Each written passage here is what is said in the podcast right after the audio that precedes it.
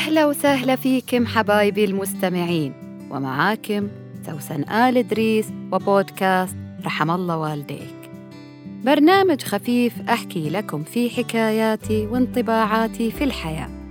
اللي أرجو إنها تعزف على وتر في وجدانك من زمان ما سمعته. أو كنت غافل عنه عشان بعد ما تسمعني تدعي لي وتقول رحم الله والديك.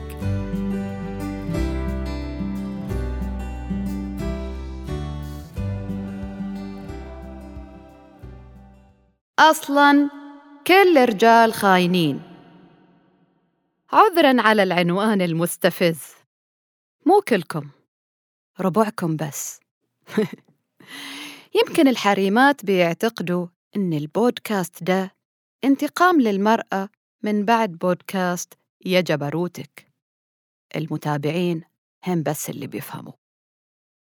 خليني أقول لكم قصة دلال. دلال بنت جميلة لطيفة عندها شهادة ومدللة في بيت أبوها. المهم إنه دلال دللوها وبغت رجل عطوها أمورها ميسرة والخطاب ما شاء الله. بس هي نقت سلمان وتزوجوا وجابوا محمد وفاطمة. وكانت حياتهم الحياة الزوجية التقليدية بمشاكلها بحلاوتها بمرها. بس سلمان كان يشعر أحياناً بضغط الحياة الزوجية ويتحجج بالحاجة إلى متنفس فقام يلعب بالجوال. وطبعاً ما يحتاج نقول بنات الحلال اللي يحتضنوا الحالات الزهقانة والملانة متوفرين. فحصل له وحدة تناغيه بين الحين والآخر. المهم دلال لاحظت البسمات الخجولة وهو ماسك الجوال فشكت في الموضوع. وعاد سلمان من كثر ما هو مستتفه اللي يسويه ما كان يخبي كلمة السر عن دلول. واثق إنها من شغله عنه لكن على مين؟ المرة تفضي روحها لما تشم ريحة عطر جديد يهبهب. فكان اكتشاف سلمان الزهقان سهل.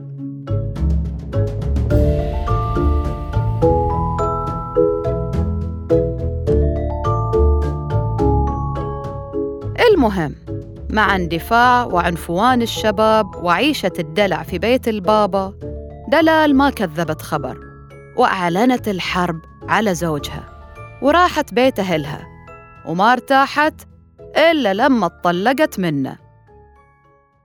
بعد كم سنة حست إنها تسرعت بالذات لما شافت غيرها من الحريم يفوتوا لأزواجهم النزوات بس هي ما تبغى تعترف إنها غلطانة.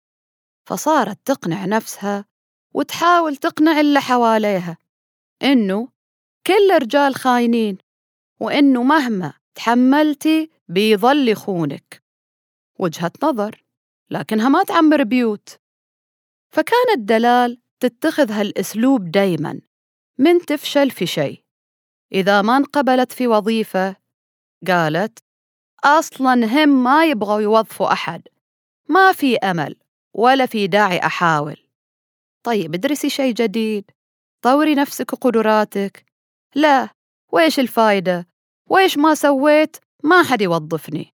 وإذا غلطت دلال ودخلت كورس ولا تعلمت منه شيء قالت أصلا هم ما يعلموا وبس ينهبوا فلوس.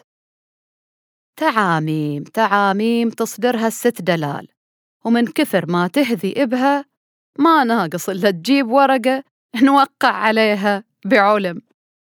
طبعا التعميمات هو أسلوب نركن إليه لنداري فشلنا وضعفنا وعدم محاولتنا لتخطي المصاعب. بدل ما نقول كل مشكلة ليها حل وإنه إذا الطريقة دي مي سالكه أجرب طريقة أخرى نروح نرمي البلا على الطرف الآخر سواء زوج أولاد أهل وظيفة معلم موجه دايما هم السبب في فشلي. ولا نخوش نفر. أنت خوش ما قلنا شي. بس اقعد مع نفسك شوي. حاسبها طالع حواليها قارنها بغيرها. أنت كده ظالم نفسك. وصدق رب العالمين لما قال وما ظلمناهم ولكن كانوا أنفسهم يظلمون. في بعد تعميمات تصدر من الرجال على الحريم برضو عشان يبطل يحل مشكلته معاها. أصلا الحريم دايما يزنوا من تبغى شي ما تسكت. وتلاقيها مسكينة تبغاه يصلح باب البيت المكسور من ست سنين. والله العظيم اتقوا ربكم له. ولا تأخذوا التعاميم ستر على إهمالكم وتقصيركم. ونقول لكل من واجه نفسه وضعفه وأخطاءه ولا ريح نفسه بتعميم يبغانا نوقع عليه؟ رحم الله والديك.